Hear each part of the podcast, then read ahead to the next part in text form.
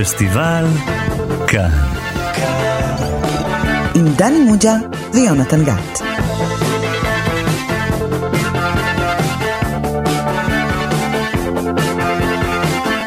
שלום לכם, אתם איתנו שוב בפסטיבל כאן, תוכנית הקולנוע הקסומה של תאגיד השידור הציבורי.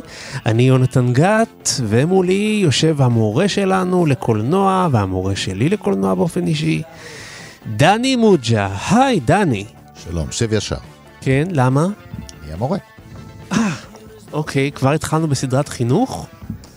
כן, אה, אתה יודע, מי שלא עובד ביום, כן. לילה אחד הוא יצטרך לעבוד.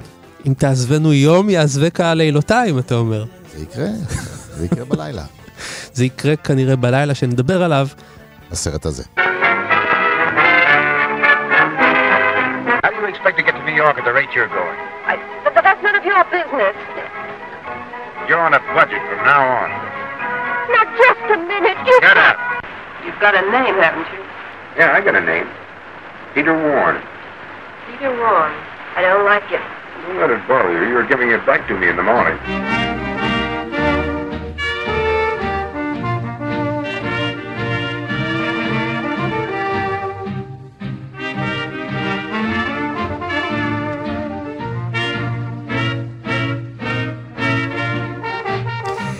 כן, שמענו קטע מתוך הסרט It Happened One Night, או בעברית, זה קרה לילה אחד, סרטו של פרנק קפרה משנת 1934. דני מוג'ה, קיבלנו פה שקים של מכתבים מתלונות אה, לגביך, שעד עכשיו, במשך כמעט ארבע שנים תמימות של תוכנית, אה, לא דיברנו על אף סרט של פרנק קפרה. איך זה יכול להיות? אתה לא חושב שזה מחדל שלך אישית? זה שלי, כן. המחדל הוא שלי, ואתה, המחדל שלך, שלא לא הזכרתי לך. הזכרת בחיים את צמד המילים, קלארק גייבל. אה, עכשיו אתה מחזיר אליי האשמות? כן. כן, אבל אתה יודע מה קורה לשניים כן. שנתקעים במסע, והם לא סובלים אחד את השני. זה נשמע כמו אנלוג, משהו מוכר, משהו הקהל יודע מוכר. שהם נועדו זה לזו. או זה לזה, או זו לזי, או... אני מקבל את כל הצימודים, דני. כן, בדיוק. עכשיו, אז תסביר לי, אם כך, אה, אז למה אנחנו רוצים לדבר על הסרט הזה דווקא? It happened one אה, night. אלף סיבות, אתה יודע, זה... אני אגיד לך את הסיבה. נו, כי עד היום דיברנו על שניים מהגרנד סלאם, אלה שכתבו את חמשת הפרסים הגדולים של האוסקר. דיברנו על שתיקת הכבשים, זה הסרט הראשון שלנו, שכתב את כל חמשת הפרסים הגדולים, מה כן? הם חמשת הפרסים הגדולים בעיניך? אסביר לך, דני. כן. גם הסרט הטוב ביותר, הבימה הטוב ביותר, התסריט הטוב ביותר, כן. שחקן ראשי ושחקנית ראשית. יפה. אז, ודיברנו הוא גם, מכאן זכה, זכה הסרט, זה קרה לילה אחד. נכון, דיברנו גם על קן הקוקייה, שגם הוא זכה בחמשת הפרסים. יפה. ו-It Happened One Night זה הסרט השלישי משלושת הסרטים אי פעם שזכה בגרנד סלאם, והוא ראשון. הראשון שעשה את זה. השלישי בתוכניתנו, נכון. כן? כי אנחנו כמו ארכיאולוגים. לאט, לאט, לאט, הולכים אחורה. יותר למטה. בסוף, בסוף, בסוף אנחנו הולכים רק אחורה איתך, יפה. וכן, מה עוד הסיבה שאנחנו מדברים על הסרט? קלודט קולבר, גם היא. זכתה באוסקר.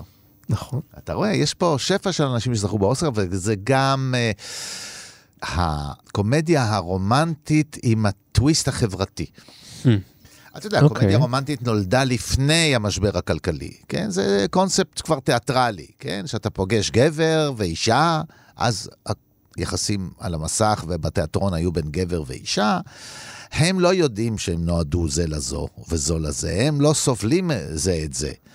אבל אין להם ברירה, הם צריכים uh, בגלל uh, כל מיני נסיבות עלילתיות uh, לשהות ביחד או לנסוע יחד, ואתה רק רואה אותם רבים ומתגוששים, אבל אתה יודע שבסופו של דבר, הם חייבים להיות כן, ביחד. אתה יודע שזה יסתיים בזה שהם יבינו שרב המשותף להם מן השונה.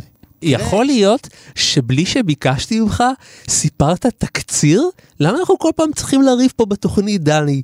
אני מרגיש שאנחנו לא יכולים לעשות את זה יותר, אני דני. את אני לא יכול לחיות איתך כאן באולפן. אני לא ביקשתי שום דבר, אתה כבר... אה, לא סיפ- סיפרתי את התקציר של כן, הסרט. כן, אה, סיפרתי את המבנה כביסה עשית, הדרמטית של הז'אנר, גיהצת. בלי להתייחס לתוספת המיוחדת שיש לסרט הזה, שכמו שרמזתי עליה, היא התוספת, נאמר, החברתית. אנחנו בעיצומו של המשבר הכלכלי, ואז... מה רגע, ש- עכשיו אתה מתחיל את התקציר? אז תשים לך מוזיקה. אני מבקש, מאוד יפה. אני לא שמעתי אותך מבקש עדיין. אני לא יכול עם הגבר הזה. פשוט. אני, אני מגיע לתקציר מיד. התוספת היא פה שמעבר לזה שהם לא סובלים זה את זה, והם חושבים שהם הפוכים ולא מתאימים וכולי וכולי וכולי, כמונו. כן? נוסף גם איזשהו פער חברתי או אידיאולוגי, ואז הסרט, אולי נדבר על זה אחר כך, גם מספר שחברים, אל תתלוננו.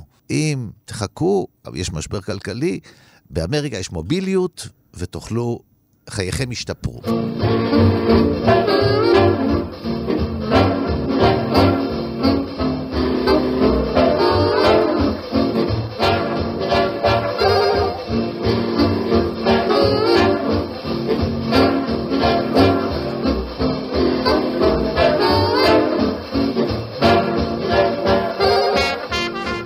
כזה, זהו סיפורה של אה, אישה צעירה, עשירה, בת עשירים. עשירים, כן, שלא מוכנה להתחתן עם מי שאבא שלה מייעד לה. היא מורדת.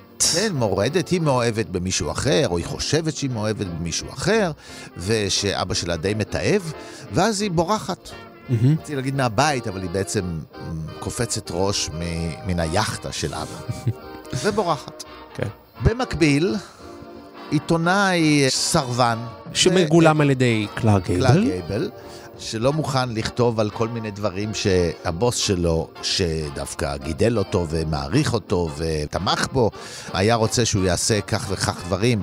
הם מוצאים את עצמם נוסעים ל- לאותו כיוון, על אוטובוס, ונרקמת ביניהם איזושהי שותפות. הוא יסייע לה במזימה שלה, לפגוש את הגבר תיתן שלה? לו איזשהו סקופ, ויחד הם אה, ככה, זו סיבה מספיק טובה, למרות שהיא מתעבת אותו, ובמובנים רבים גם הוא מתעב אותה. והם, אה, אה, יש פה איזה ווין ווין, כן? שנינו נסייע זה לזה. הוא גם קצת סוחט אותה. כן, יש פה, בוודאי, כי יש לו, אתה יודע, הוא עיתונאי. כן. הם עם סליזי. תודה רבה, כן. ומה שקורה זה שהם, יש להם מסע, הם, ובמסע הזה הם צריכים אה, לגמוע דרך, ובמהלך הדרך הזאת הם אה, אה, מתגוששים, אבל יש להם משימה משותפת, אז הם צריכים גם לשתף פעולה. הם צריכים לברוח מאנשים שיתפסו אותם, כי האבא שולח אחריהם בלשים שיחזירו את המורדת הביתה. וככל שהם מתקרבים אל, ה, אל המטרה הסופית, מצד אחד, הרתיעה של זה מזו הולכים וגדלים, אבל מהמם. אנחנו שמים לב כיצד הארוס הולך ומתגבר ושולח את חיציו בליבו ובליבה, ולא רק בליבו ובליבה, גם באזורים אחרים של הגוף שלהם, והם נועדו זה לזו, וכמו בקומדיה הרומנטית, בסופו של דבר, ברגע האחרון, הם ייכנסו מתחת לחופה.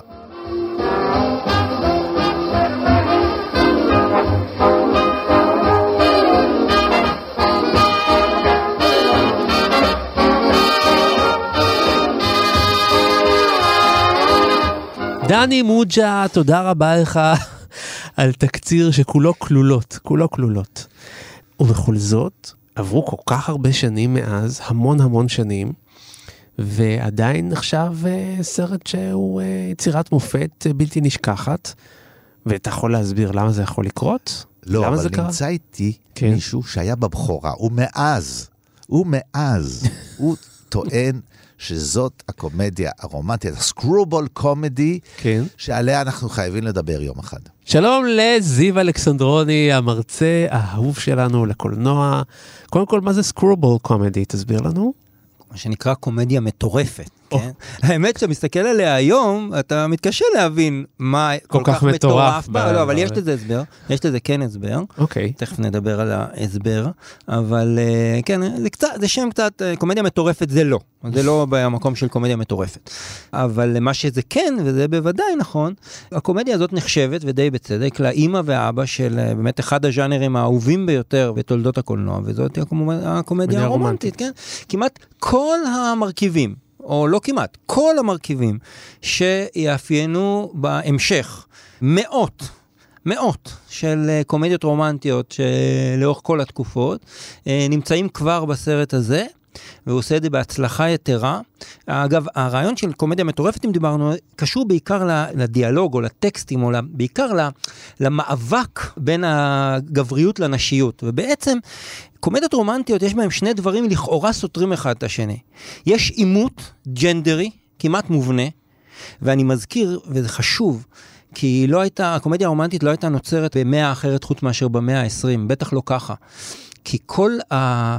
לאורך המאה ה-20, ככל שאנחנו מתקדמים, השינוי במעמד האישה והתנועות הפמיניסטיות מייצרות אה, דמות נשית שלא הייתה קיימת במשך כל האבולוציה של המין האנושי עד אז. זאת אומרת, נוצר עימות. עד לפני 150 שנה לא היה נוצר עימות בין הגבריות לנשיות, לא היה מקום לעימות כזה. זה היה עולם פטריארכלי מוחלט, הגבר הוא זה שהחליט והוא זה שאמר, והאישה הייתה רכוש פרטי שלו. והנה מגיעה המאה ה-20, ולפתע נשים מקבלות אט אט את המעמד ואת ה... מקום שאני לא אגיד שהוא שווה לגבר, כי עדיין אנחנו נמצאים בעיצומו של. המעמד, אבל בהחלט הולכות ותופסות יותר ויותר אה, מעמד. הדבר הזה מאוד מאיים על הגבריות. אני אומר תמיד בהרצאות שלי שהגברים לא מפחדים לצאת למלחמה, הם מפחדים מנשים חזקות. ולכן אתה מקבל אה, ביטויים קולנועיים מפחידים מאוד לנשים חזקות, עיין ערך פאם פאטל למשל. כן? אז uh, לאורך כל המאה הזאת, הקומדיה הרומנטית זאת זירת ההתגוששות המרכזית בין הגבריות לנשיות, וזה נורא מעניין לראות איך זה מתפתח, תכף נדבר על זה. למשל, בתקופה ההיא, הגברים עדיין חשבו שאפשר להחזיר את הגלגל לאחור, ולכן הסרטים ברובם הם סרטי חניכה, שהגבר... אוחז בדרך כלל בערכים המאוד טובים ומאוד נכונים, והאישה היא בדרך כלל קלת דעת, פוחזת, וספק, אני לא רוצה להשתמש במילים לא צנועות, כן? והגבר, ברור. בסופו של דבר, ב- לאורך התהליך הזה, לאורך המסע שהם עוברים בסרט הזה, אל תשכח שגם אם היא, אם היא לא כל אלה, והיא דעתנית וחזקה, אז היא מכשפה כמובן. ברור, ברור, כן, זה, זה אין שאלה בכלל, זה נכון. לא, בלי קשר, לאורך הדרך הוא בעצם מחנך אותה, הוא מעביר אותה תהליך של חניכה. אז אמרנו, יש את העימות הזה, מצד אחד, והוא קיים, הוא ח- נושא מרכזי בקומדיות רומנטיות, והדבר השני הוא כמובן אינטגרציה. ופה, כן, אה, בעצם הפנטזיה הגדולה של אמריקה, האינטגרציה החברתית. כי הרי דרך האוטופיה הזאת, שהאהבה היא עיוורת, ומסוגלת לחבר אה, בין קצוות של אנשים שנמצאים מבחינה סוציו-אקונומית נניח בשתי קצוות שונים, הפנטזיה הזאת היא בעצם אחד המוטיבים המרכזיים של קומדיה רומנטית, ובעצם של, ה, איך נאמר, הפנטזיה האמריקאית באופן כללי, כמו שדני אמר, של המוביליות הזאת, שאתה בכל רגע נתון יכול לשנות את המצב שלך ולעבור למקום אחר. הראיה, הקומדיה הרומנטית המצליחה בהיסטוריה, בפער עצום, עצום, עצום מכל האחרות, נעשתה כמובן בתחילת אה, שנות התשעים, היא נקראת אישה יפה, ובקומדיה הזאת, זונת רחוב פוגשת אביר הלוטוס לבן, ובמהלך שראינו באלפי קומדיות רומנטיות אחרות, הופכת להיות לליידי, כן? והאינטגרציה החברתית הזאת זה בעצם החלום האמריקאי כולו. הנה, גם, גם אם את זונת רחוב, יבוא האביר ויוציא אותך משם.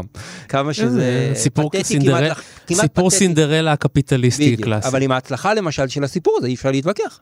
וגם פה יש אותו דבר, בת עשירים, בת עשירים, אמנם לכאורה היא רבה עם אבא שלה, אז לכאורה אין לה, זה הסיבה אגב שהיא פוגשת בכלל את אה, קלאר גייבל, כי אחרת היא לא הייתה לא הייתה- באוטובוסים. בוא. כן, ברור. כן? אבל בת עשירים פוגשת עיתונאי שזה עתה גם איבד את עבודתו, באמת אה, אב טיפוס של כל ה... של אמריקה באותם שנים, שסבלה ממשבר כלכלי גדול, מאובדן עבודה ומ- ומעוני.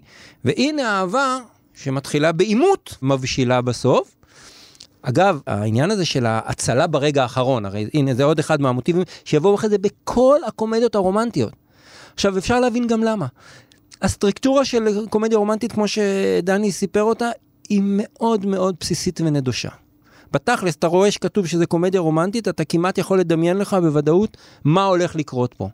בשביל לשמור את הקהל עדיין באולם במתח, מתפתח אותו רעיון של הצלה ברגע האחרון, זאת אומרת, תמיד האישה בחלק הראשון, ואחרי זה הגבר, משנות ה-80 ואילך הגבר, כבר יעמדו רגע מלעשות את הטעות האיומה מכולם, וזה להתחייב למישהו אחר. הרי למה באנו למקום הזה? אם אנחנו בסופו של דבר, כן, קלודי קלוברט עומדת בחופה, וכל מה שהיא צריכה להגיד עכשיו, הדבר היחיד שהיא צריכה להגיד עכשיו זה I do, ואנחנו יוצאים מהאולם מבואסים מוות.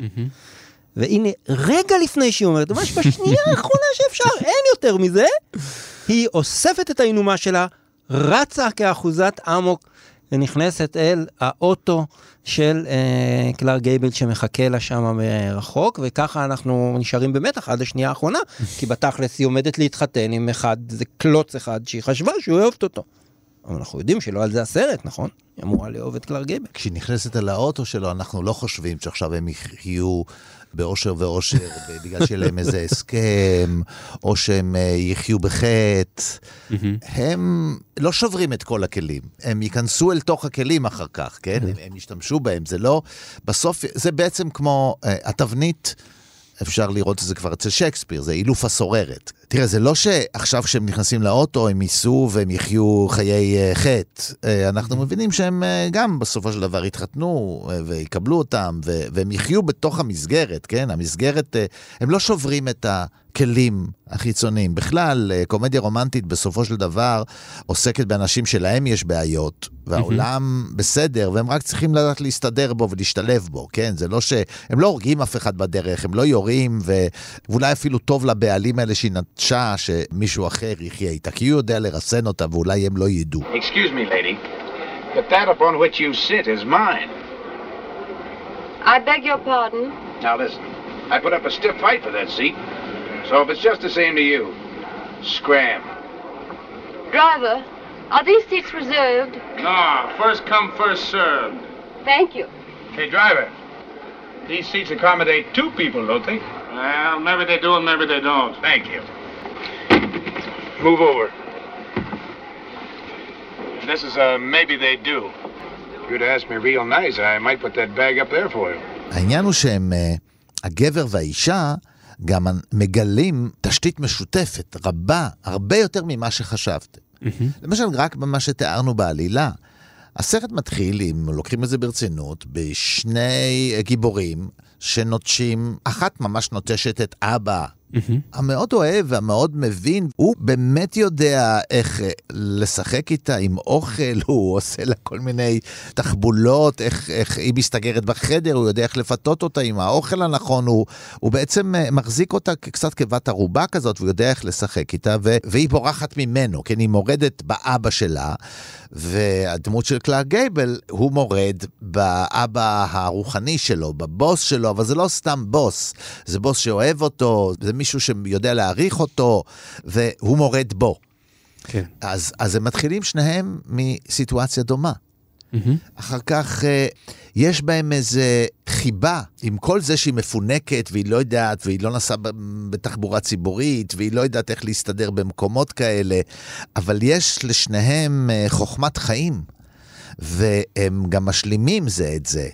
יש דברים שבהם אישה פועלת טוב יותר מגבר. למשל, יש סצנה מפורסמת של, אה, הוא מלמד אותה איך תופסים טרמפים. אבל זה לא הולך לו, כי המצב קשה. ומי תופס טרמפים טוב יותר? אצבע של גבר או רגל חטובה של אישה? לימון דה סאם. כן? אז, אז, אז, אז, אז פתאום יש להם מה ללמוד זה מזה, והעניין הזה שאתה מבין לאט, לאורך הסרט, יותר מהר מהם, זה העניין שהם לא קולטים את זה, שהם מאוד דומים. והם ממש מתאימים. ומה יש לכם כבר לריב? אתם כל כך אה, נועדתם זה לזו וזו לזה. זה האושר של הסרט, אתה כל הזמן אומר, מה קורה לכם? די, די, די, די, די. והם האחרונים לקלוט את זה, או לפחות אחד מהם האחרון לקלוט את זה, כן? הקומדיות הרומנטיות המאוחרות יותר, שנעשו, וזה באמת ז'אנר ששורד, ותמיד אפשר להתאים אותו לזמנים הנכונים, ול, ולאינטרנט, ולפלאפון, ולתקשורת, ולמרחקים, ו... אז אה, שם לפעמים יכולים כבר אה, לא להכניס אותם בסוף לחופה, mm-hmm. לדעת שהאהבה התממשה, אבל אי אפשר, אם אנחנו חושבים על, נגיד, על נוטינג היל. כן, אז בנוטינג אפילו יגחכו על הרומנטיקה, וברגע הכי רומנטי ירד גשם. לא חייבים לתת לנו את כל, את כל המתכונת ואת כל הפרסים בסוף, כן? אנחנו יכולים היום לקבל דברים קצת יותר אה, נכון. מורכבים, אבל uh, אז זה עובד בצורה uh, נפלאה, והקהל, זה פשוט היה מענה uh, עד כדי כך שיש שרואים בסרטים האלה ממש, uh, אתה יודע, הביקורת המרקסיסטית, כן, רואה בסדרת הסרטים, אלה סרטי תעמולה, mm-hmm. שנועדו להרגיע את הקהל. מה אתם מודאגים? תראו איזה צרות יש למיליונרים, תראו איזה, איזה בעיות יש לכל העשירים ולכל האנשים שיש עבודה. אל ת... בסוף זה מסתדר, אתם רואים, כולם מוצאים זה את זו, ו... ובסוף אה, נופלות חמות יריחו, כמו שנאמר בסרט, אה, שהוא אלמנט נוסף, שהוא... אה, אין פה, אה, אתה יודע, אנחנו אחרי, אנחנו כבר, כשקוד הייז ישנו, יש דברים שלא מראים. ואז הבמאים, שזה סרט שעוסק הרבה מאוד במתח מיני, לא רק אה, מתח בין כל מגדרי. כל כן? הקומדיות הרומנטיות, מה? בוא. כן, כן, כל לא. כל הקומדיות אבל... הרומנטיות בבסיס שלהם עומד מתח מיני, הרי זה ברור, מה, מה עוד יעמוד שם. ובאמת כל השנים שבהם קוד הייז פעיל, מאמצע שנות ה-30 ועד פחות או יותר, נניח, תחילת ה-60, אז ה, יש פה עימות כמעט מובנה בין הכורח של, של הצנזורה הזאת לבין מהות הסרט. הרי ברור לנו מה עומד בבסיס היחסים בין אה, שני גבר ואישה במקרה הזה, או בין כל זוג נאהבים שיש. ובאמת, אה, כבר פה קפרה, הוליווד בכלל ניסתה לייצר את האירוטיקה הזאת בלי שחרב ה, כן, חרב הצנזורה תונף.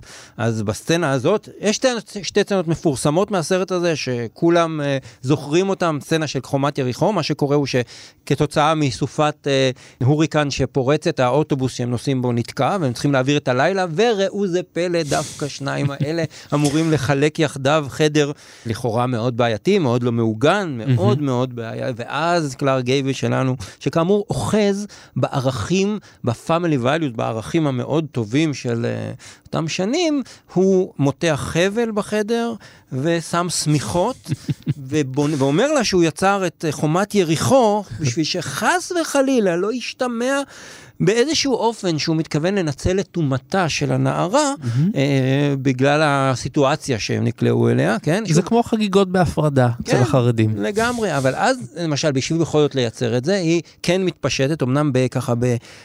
מאוד באפלה שם, ומאוד, והיא, והיא זורקת את הגרביונים שלה על החומת יריחו, יריחו הזאת, כן? והוא מסתכל, ואנחנו איתו, ואז הוא אומר לה, אני מבקש ממך להוריד את זה. כן, זה פשוט, כן, אה, אה, ממש מגוחך, כאילו, מבקש להוריד את זה, כאילו, זה, זה, לא, זה לא צנוע, כן? אני אומר שוב, זה תהליך חניכה, כמו שאמרנו.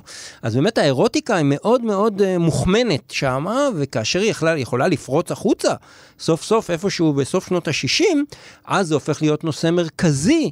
כן, של המדובר, כן, אולי, כן, אולי המפורסם מכולם, אני חושב, כמעט בוודאות, כמובן כשהארי פגש את סלי, mm-hmm. שאגב, גם הוא טייק אוף במידה מסוימת על אה, זה קרה לילה אחד, אם אתם זוכרים, אז כשהארי פגש את סלי, מתחיל בנסיעה משותפת משיקגו לניו יורק. נכון. אה, לחלוטין mm-hmm. איזשהו הומאז' לזה קרה לילה אחד. Well, I like privacy when I retire.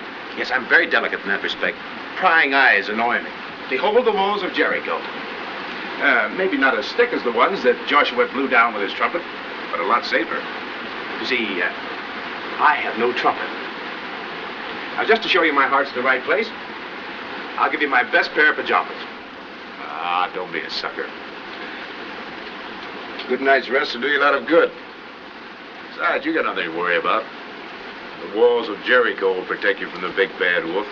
לפעמים הצד הרומנטי יותר חזק, כי הוא קומדיה רומנטית, זה לא קומדיה אירוטית. נכון. ופה אני אפשר חושב היה להראות, או אה, אירוטי. מדגישים בלי להראות אה, ממש את ההיבטים האירוטיים והפחות אה, רומנטיים שיש ביניהם, והזכרת את חומת יריחו, ברור בסוף הסרט שחומת יריחו נפלה.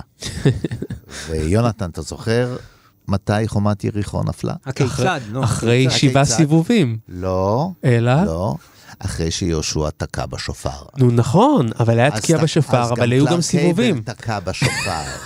ברור שהוא תקע בשופרו. אה, הוא מתייחס לזה אגב באופן ספציפי, הוא אומר... אני בהתחלה הוא אומר, "אין לך מבקש מה לדאוג". לא להשתמש בגסויות בתאגיד אבל השידור אבל הציבורי. זה קרה בסרט, לילה אחד זה קרה. נכון. כשאומרים, זה קרה לילה אחד, מה קרה לילה אחד? חומות יריחו נפלו, ויהושע תקע בשופרו. אבל יש גם אנקדוטה חוץ סיפורית, בכל זאת, כן. גם קלארק גייבל מוריד חולצה. שזה כבר נחמד. מה קרה? כן, מה הקהל ראה? מה הקהל או ראה? בעצם מה הוא לא ראה? מתחת לחולצתו, לקלארק גייבל לא הייתה גופייה. משבר טקסטיל זה היה. Mm, זו פעם ראשונה, כן. ככל הנראה, אני לא יודע אם זו באמת פעם ראשונה, אני לא בדקתי, אני צריך לראות את כל הסרטים. ואומרים שבעקבות ההופעה הזאת של הסרט, כמות מכירות הגופיות צנח פלאים. לפחות בשנת 1934-5. אתה יודע, לא, לא קראתי לא, את אבל ה- אל תשכחו שקולנוע, לפחות 36. אז, בוודאי אז, גם היום, אבל אז בוודאי, זה היה דבר שכולם היו מתרשמים ממנו ועושים כמו אני בסרטים. אומר, כשקלארק גייבל עושה משהו, זה משפיע במאמרים על השפעת אה, קולנוע על האופנה. מהמם. זה מעניין שהסרט הבא שברורה השפעתו על, על האופנה, הוא סרט שגם הוא, יש בו קשר, וזה בוני וקלייד. מהמם. כי בוני וקלייד גם הוא סרט מסע, ויש בו אלמנט של, אה, זה בוודאי לא קומדיה רומנטית, אבל לרגעים אה, הסרט פתאום עובר קצת לצד היותר אה, משעשע וקומי של המסע הזה, למרות שזה מה שמאוד הרגיז אנשים, אה, מבקרים איך אתה מעז לבצע פשע ז'אנרים. יחד כן, עם... כן, כן, זה, אבל, כן. אבל גם שם יש את העניין הזה, וזה בוודאי סרט שמאוד מאוד השפיע על אופנה. מהמם. יש ממש ככה מחקרים שמוכיחים את זה. לא צריך וגם- מחקרים, אנחנו יודעים שהרבה מאוד אנשים אוהבים להתלבש כמו גל גדות, כמו זה, זה די ידוע, לא כן, צריך אבל מחקר. קל להגיד על השפעת מריל הקולנוע. סטריפ מסרט X ומרילין מונרו מסרט Y. כן. אז, אז הסרט הזה נחשב לאחד מהמובהקים שבהם. אני מאוד אוהב את הסצנות, הר- גם הראשונות של הסרט, הס- הסצנה הזאת שבה הוא כביכול מתפטר אה, יחד עם חבורה של חסרי עבודה, מובטלים, אנשים שנמצאים ברחוב. בשנים האלה בכלל רואים את זה, הס- הסרטים שרוצים לשקף את המצב. זה לא רק לשקף את המצב, פר- פרנק קפרה הוא גדול במאי ה-New Deal, מה שנקרא. זאת אומרת, אה, הוא כמעט מזוהה.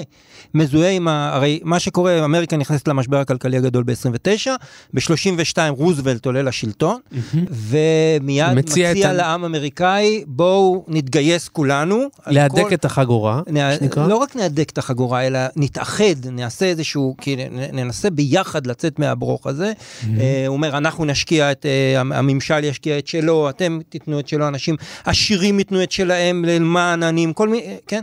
ובאמת... פתאום אמריקה הופכת להיות הוליווד, הוליווד, סוציאליסטית. הוליווד מתגייסת, ב- ממש מתגייסת לטובתו. אתה יודע שזה לא ו- רק זה, אפילו בפרס האוסקר חילקו פרסים שהם לא מזהב, בכוונה כדי להשתתף ולהזדהות עם להוריד, ה... להוריד את ה... כן, כן. כן. אז באמת קפרה הוא גדול דיל, אה, בסדרת סרטים שיבואו מ"זה קרה לילה אחד" ואילך, מג'ון דו, וכמובן אה, אה, סמית הולך לוושינגטון, ואלה חיים נפלאים, כל הסרטים האלה הם סרטים שהם כל כולם אומרים לאמריקאי, בואו תזנחו רגע את הקפיטליזם המטורף שלכם, את הרדיפה המטורפת אחרי בצע ואחרי כסף, ובואו ננסה ביחד, כן, מי שיש לו ינסה לעזור למי שאין לו, כן, אה, וביחד נצא מה, מהברוך הזה. קפרה הוא בלי ספק הסמל הגדול של תפיסת העולם הזה. אחד הדברים שמאפיינים את זה, זה כשאתה נמצא בחוץ. זאת אומרת, כשהסרט נמצא בחוץ, אז את פוגשים הרבה אנשים. את, הרבה נדדים, הרבה נוודים, הרבה חסרי בית כביכול. זאת אומרת, יש תחושה שבחוץ נמצאים הרבה מאוד אנשים.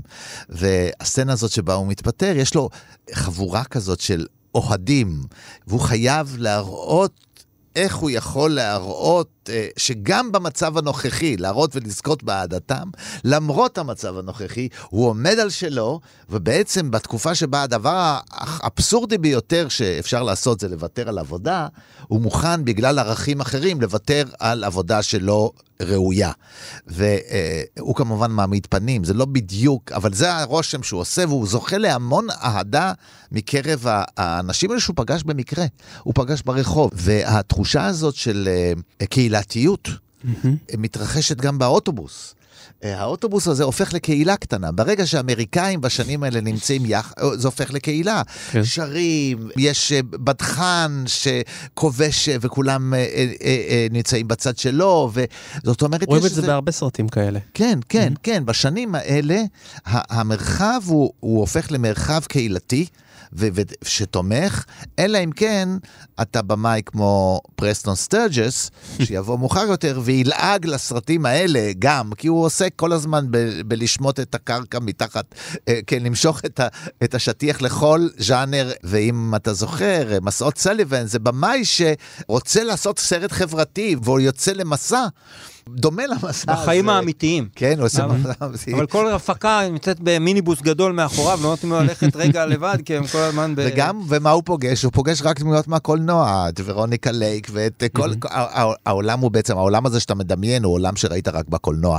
אבל uh, התחושה הזאת של המרחב הזה שהוא קהילה, אפשר לראות מאוד דרך סרטים מה רוצים, אה, איזה מסר רוצים, איזה חברה אמריקאית רוצים, הוליווד רוצה לשדר. יש שנים שדמות... דמות יוצאת לרחוב, ומסוכן שם בחוץ. או אותו קולנוע שרוצה לספר שיש מלא אויבים, ש, שמשתלטים עלינו, או שצריך יד חזקה. כן, אבל בשנים אה, האלה אני חושב, וזה מה שמעניין כן, בז'אנר הזה. מה שמעניין, מה, ש, מה שמעניין בז'אנר הזה, באמת אני חושב, זה העובדה להסתכל עליו לאורך שנים.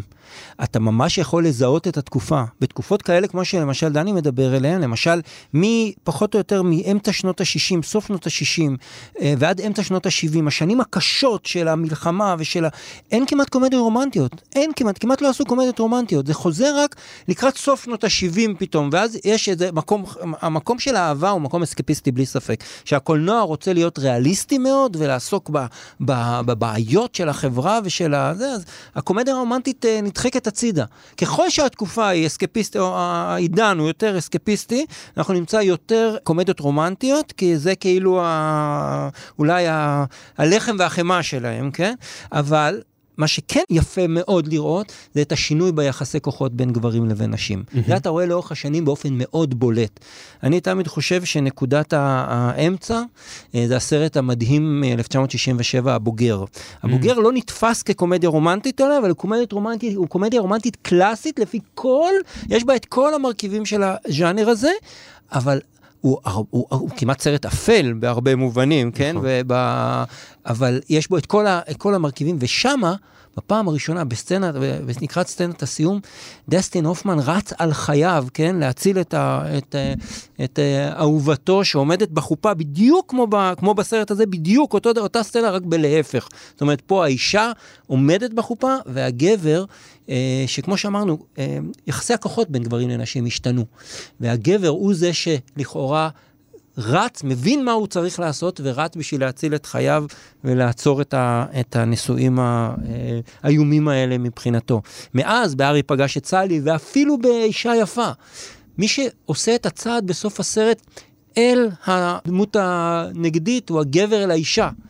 בניגוד לכל השנים הראשונות שזה היה הפוך, שהאישה בעצם עוברת תהליך של חניכה ומבינה מה היא צריכה לעשות. זה נכון, וזה קרה לילה אחד, זה נכון מאוד בברקפסט אנד טיפאני המצוין, וכמובן בדירה ב-1960, אותו דבר, זה אותם סצנות בדיוק, אתה מוצא mm-hmm. שבסוף הסרט האישה בפתע מבינה, רגע, זה מה ש... זה, זוהי אהבת חיי. ונוטשת את כל מה שיש בזה, ורצה אחוזת אמוק אל אהובה בשביל להינצל. אנחנו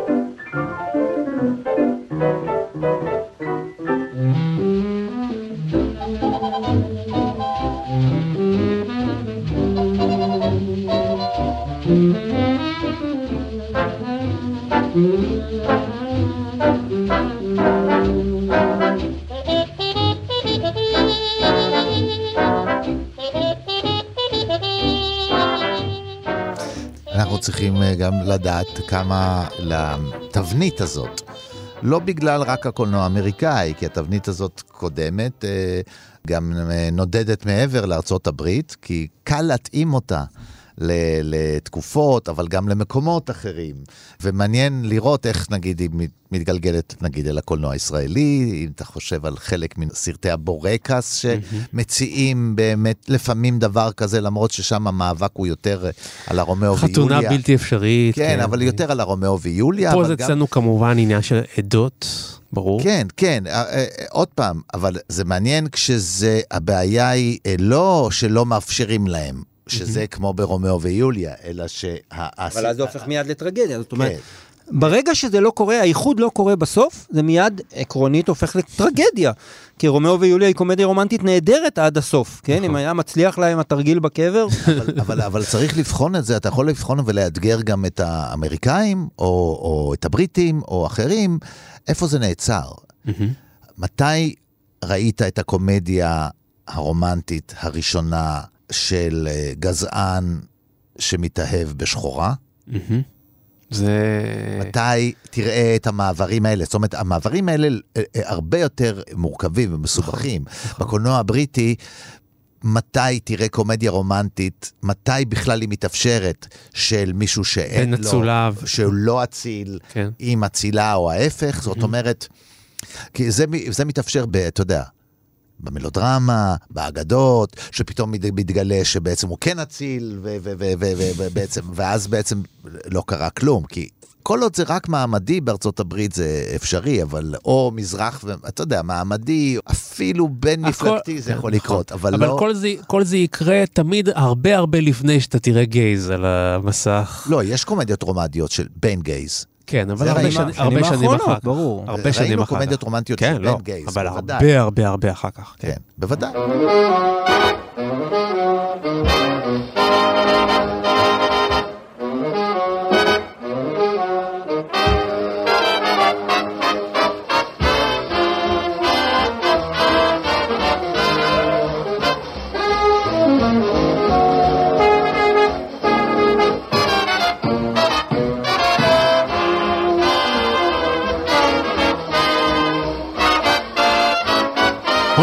מילים גם על הבמאי, פרנק קפרה, האיש שמחזיק בכיס לו אה, ארבעה פרסי אוסקר, כן?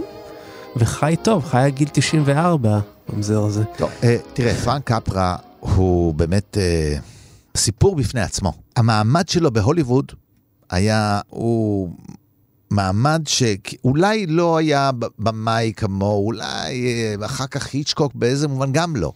אתה יודע, הביוגרפיה שלו נקראת פרנק קפרה, The Man Above the Title, שהשם שלו הופיע מעל שם הסרט. הייתה הכרה בהוליווד של הכוח העצום שיש לו, ההשפעה העצומה שלו של הקהל, ושסרט אחרי סרט שהוא מוציא, הוא מוציא סרטים שהם שלאגרים, ושהביקורת אוהבת ומכובדים, שלאגרים לא כי הם זולים. שיתוף הפעולה שלו עם התסריטאי ריסקין, כן? עד כדי כך שאמרו שבעצם הסרטים שלהם זה, היוצר שלהם זה קפריסקין. כן, הלחם של שני השמות, הוא שיתוף פעולה מתמשך. נכון שיש בו אלמנט תבניתי, כן? ואפשר לראות את המרכיבים החוזרים בכל הסרטים שלהם, אבל הכוח היצירתי שלהם היה כל כך גדול, שאתה לא מיד מבחין בחזרה הזאת. אתה מרגיש שאתה באותו מקום, אבל אתה כל פעם במקום חדש, שזה הכוח לעבוד, ב... זה כמעט ז'אנר משלהם. וזה כמעט זה, ז'אנר זה משלהם שנראה כאילו מאוד השפיע על כל כך הרבה בימאי קומדיות אמריקאים, כמו נגיד בילי ויילדר, אי אפשר לראות סרט של בילי ויילדר בלי לחשוב שהוא מאוד אהב את פרנק קפרה. אכן כך. כן, אבל אני, אני חושב, תראה. למרות שבילי ויילדר הרבה יותר ציני כמובן, הוא גם חותר תחת השיטה, והוא גם נגד הוליווד, בעד הוליווד, נגד הוליווד. תראה, בילי ויילדר הוא מגוון הרבה יותר. לא, ברור, יודע, אבל בילי בא... ויילדר כמהגר לומד גם מפרנק קפרה, לומד מבימאים אחרים.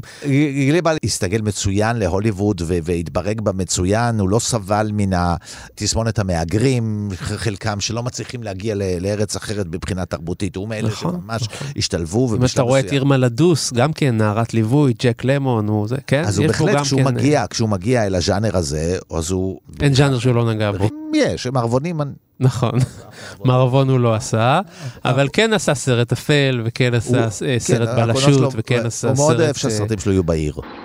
Here comes a car. Okay, now watch me. I- I'm going to use number one. Keep your eye on that thumb, baby, and see what happens. I still got my eye on the thumb. Something must have gone wrong. Try number two. When when you get to a hundred, wake me up.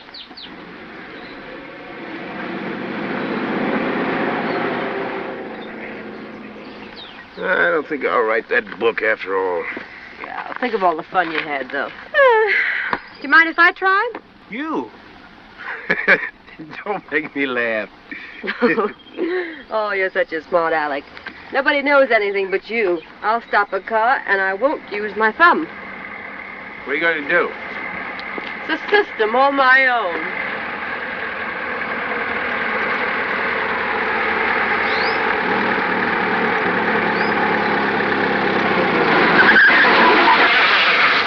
אגב, אפרופו קומדיות רומנטיות, בילי ויילדר הוא למשל אחד מאלה שכן ניסו לקחת את הז'אנר הזה צעד קדימה. הסרט המפותח מכולם הוא כמובן חמים וטעים, שבאמת אין שום ספק שזה קומדיה גם רומנטית. שם יש אוטובוס, אל תשכחו. יש שם הכל. שם יש קומיוניטי של. אוטובוס. יש שם אפילו אהבה בין גברים, יונתן. נכון, אה, כל הכבוד לבילי וולדר.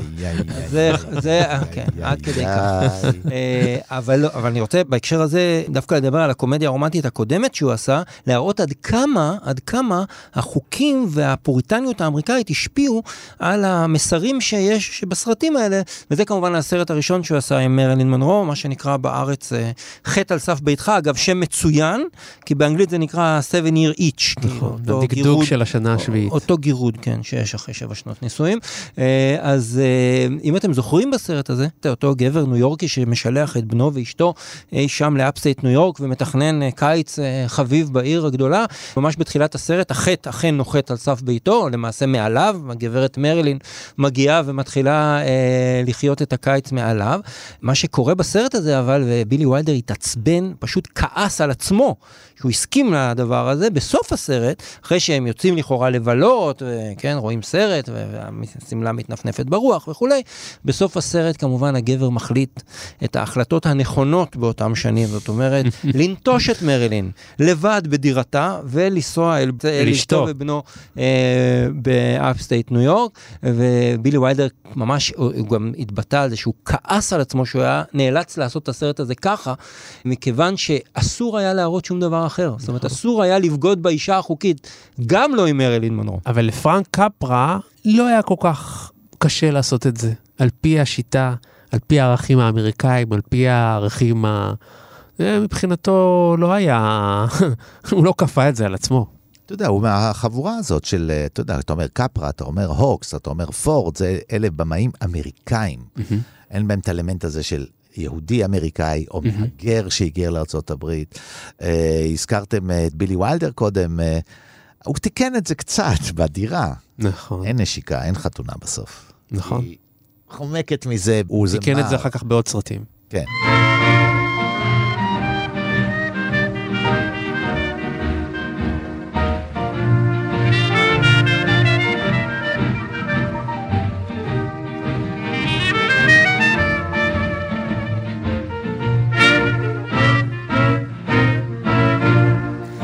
סיימנו, אבל זה לא הכל, כי לפסטיבל כאן יש עוד הרבה מאוד סרטים שעליהם דיברנו לאורך השנים, זה כבר ארבע שנים, כן? וביניהם גם על סרטים של בילי ויילדר, כאמור. דיברנו על הסרט הדירה שהזכרנו עכשיו, דיברנו על חמים וטעים, וכמובן עד התביעה עם מרלנה דיטריך וצ'ארלס לוטון הנהדר. וכמובן על סרטים מבימאים אה, מגוונים מכל העולם, אז אתם מוזמנים להיכנס לאפליקציה שלנו שקוראים לה כאן, או לכל אפליקציה אחרת שאתם מעדיפים. נכנסים לאזור של פסטיבל כאן, וכל התוכניות יחכו לכם שם. אנחנו רוצים להגיד תודה לטכנאי שלנו שרון לרנר, לעורכת הטכנית שלנו חן עוז, לאבי שמאי ולצח סלוצקי שהביאו אותנו כאן לשידור, ואנחנו רוצים להגיד תודה לאורח שלנו, המרצה זיו אלכסנדרוני, תודה רבה שהיית איתנו. תודה לך. אני הייתי יונתן גת, ודני מוג'ה, אני ממש מבקש ממך שתתלה כאן את הסדין עם הגומי למעלה. בכל זאת, אנחנו אה, לא יכולים אה, שלא תהיה בינינו איזושהי הפרדה בשביל המוסר, דני. אני בסדר, ואולי אז ניסע במכוניות נפרדות הביתה. אתה יודע, אם אנחנו עולים על אותו רכב, בוא נסגור על אופנוע עם סירה. אוקיי, אולי זה יאפשר שלא נצטרך אחר כך כל חיינו לחיות תחת קורת גג אחת. אני שמח, אתה רואה שבסוף אנחנו מסתדרים. אנחנו מסכימים בסוף על משהו, אז אתם תחזרו אלינו איך שאתם רוצים, אופנוע עם סירה, אוטובוס, whatever, העיקר שתהיו איתנו כשנדבר על סרט מעניין נוסף. ביי ביי. ביי ביי. You know that one about the man who flew on the trapeze? Yeah. Oh, yeah. Flying trapeze. Not a boy. Once I was happy, but now I'm forlorn. Like an old coat that is tattered and torn. Left in this wide world to weep and to mourn. Betrayed by a maiden Turkey. Oh, this maid that I loved, she was handsome and I tried all I knew how to please. But I never could please her one quarter so well as the men on the flying trapeze. He floats through the air with the crazy bees, the daring young man on the flying trapeze. His actions are credible.